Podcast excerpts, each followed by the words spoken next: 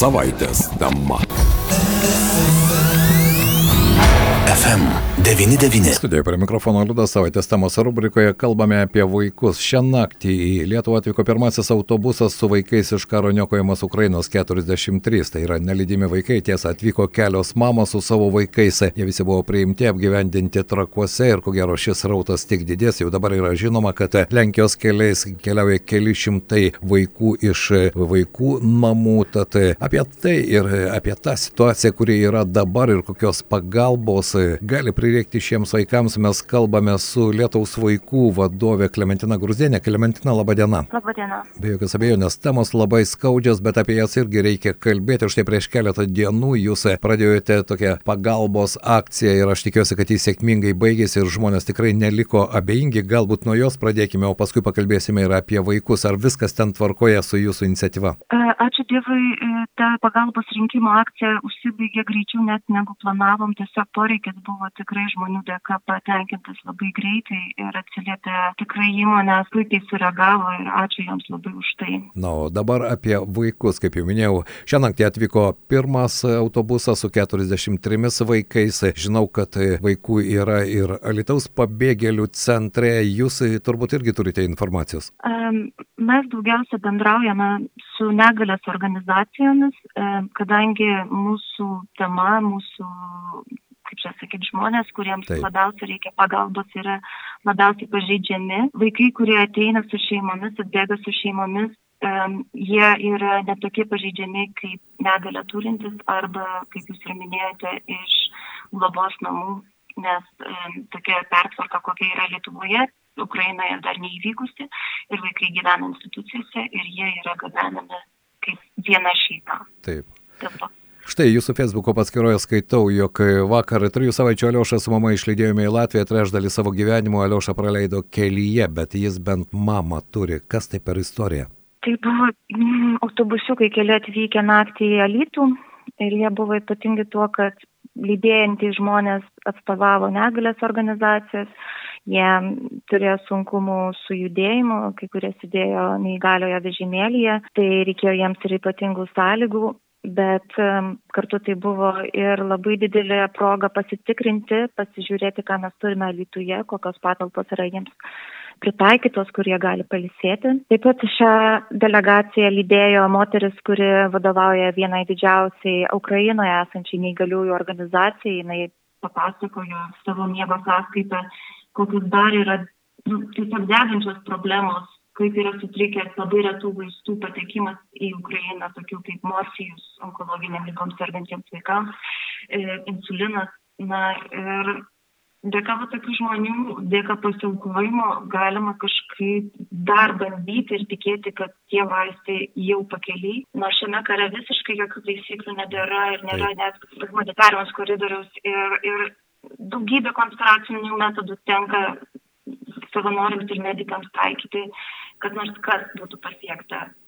Kad bent... Pernešta pergalė. Taip, kad tai kažkokiu būdu galėtų padėti. Klementina, štai Lietuvoje yra pabėgėlių centras ir kadangi vaikų srautai jie tikrai didės, jūs ten irgi buvote, žinote realią situaciją, ar Lietuvoje priimant štai ir e, vaikus su šeimom, be, be šeimų ypatingai, be globius vaikus, yra tam tikros vietos, kurie bent jau trumpam galėtų apsistoti ir ar tos sąlygos tenkinamos? Na, aš Tik galiu pagirti profesinio rengimo centro bendrabučius, jie tikrai yra puikiai pritaikyti bent jau žmonėms su judėjimo negale.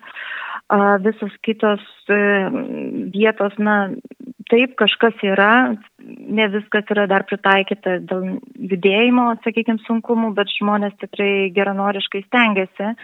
Tik tai tame kontekste taip pat noriu paminėti ir ne visai linksmus dalykus, kad um, nevyriausybinės organizacijos, nežinau, kieno paskatintos, gal pervertinusios savo galimybės arba karo avantūrizmo pagautas platina, buvo vakar išplatinta ne visai tiksli informacija, kad gali priimti ir pasirūpinti, kas paaiškėjo, kad visiškai yra netiesa. Mhm. Tai labai gaila, kad tenka atsukti tarsi paskui dar labiau išsemti tą košę ir nukreipti žmonės nesiblaškyti, o remtis patikimą informaciją, tokia kaip, pavyzdžiui, stiprus kartu. O dėl sąlygų, tai daugelis organizacijų be abejo nukreipiamas į, į, į, į į kitas organizacijas, kurias bendravo anksčiau, bet vaikai, jeigu va, taip plūs, kaip dabar plūs, tai bus neišvengiama, kad reiks kreiptis į šeimą, e, reiks raginti šeimas priglausti, nes vaikai turi kuo mažiau patirti tą nenormalumo, jie turi galų gale pradėti galvoti apie įėjimą į mokyklą, gauti saugumą ir, ir be tėvų, be globėjų tas bus tikrai labai sunkiai pasiekiamas. Štai, šiandien buvo jau rašoma ir apie tai, kad šalies mokyklos ruošiasi ukrainiečių vaikų prieimimui, bent jau taip skelbė švietimo mokslo ir sporto ministerija.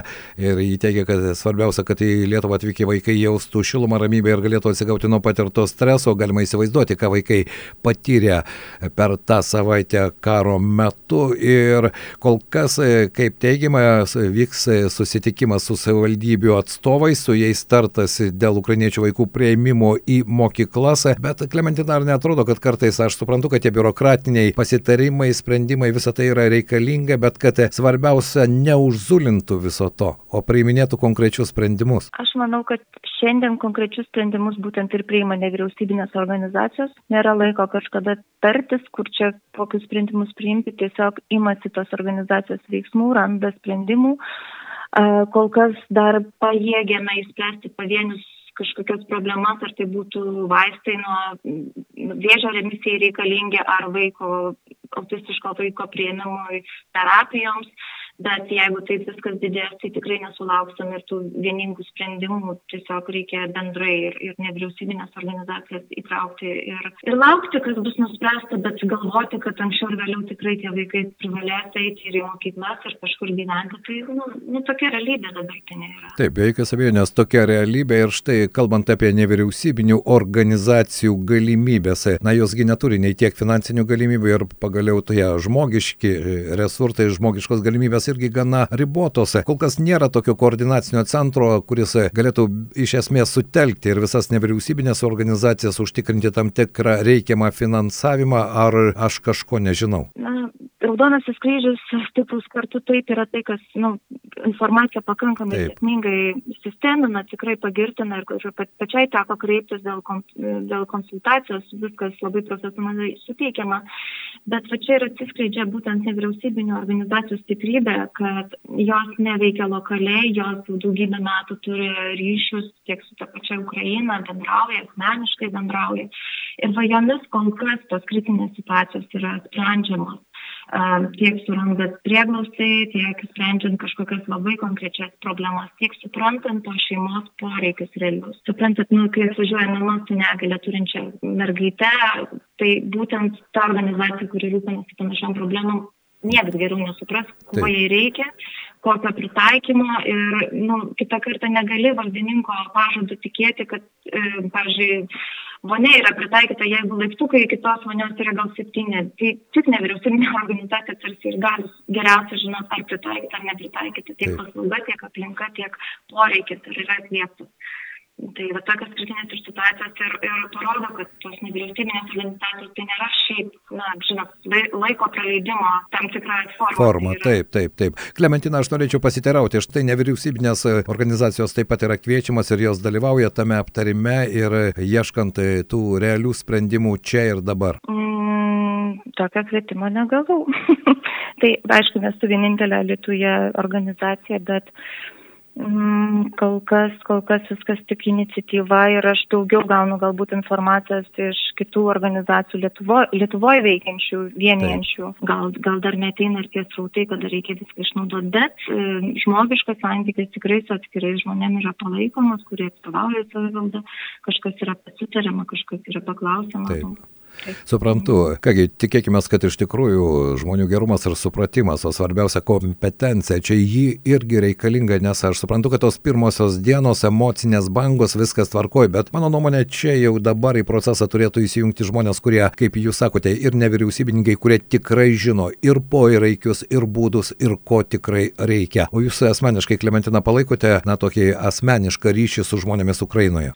Taip, aš šiai dienai, nes kaip ir minėjau, yra ir realūs poreikiai ir yra tam tikri, na, vis tiek koridoriai bandomi atverti, net jeigu jie ne, yra nesaugus, bet, na, tokia ir yra prasme viso to dabar, na, aš ne, man net sunku kalbėti. Aš suprantu, aš Taip. suprantu. Aš suprantu, kad, bet apie tai irgi kalbėti reikia. Ir aš tikiuosi, kad jeigu reikės kažkokios pagalbos žmonių, savanorių ar dar kažko, mes visada atviri, laukiame kreipimosi, laukiame žinutės, nesvarbu kokią formą mes tikrai prie to prisidėsime. Klementina, ačiū šiandien. Ačiū Jums labai. Mūsų pašnekovė buvo Alitaus autizmo asociacijos Lietaus vaikai vadovė Klementina Grūzdienė, kuri sako, jog žmogiški ryšiai yra svarbu. Jie kartais padeda kur kas greičiau išspręsti vieną ar kitą problemą. Kaip jau minėjau, šią naktį atvyko 43 nelydimi vaikai bei kelios mamos, bet jau dabar yra žinoma, kad laukiama ir daugiau atvykstančių vaikų. Yra žinoma apie kelius šimtus vaikų iš Ukrainos globos namų, kurie per Lenkiją atvyksta būtent į Baltijos šalis. Radio stotis FM99. Šios savaitės tema.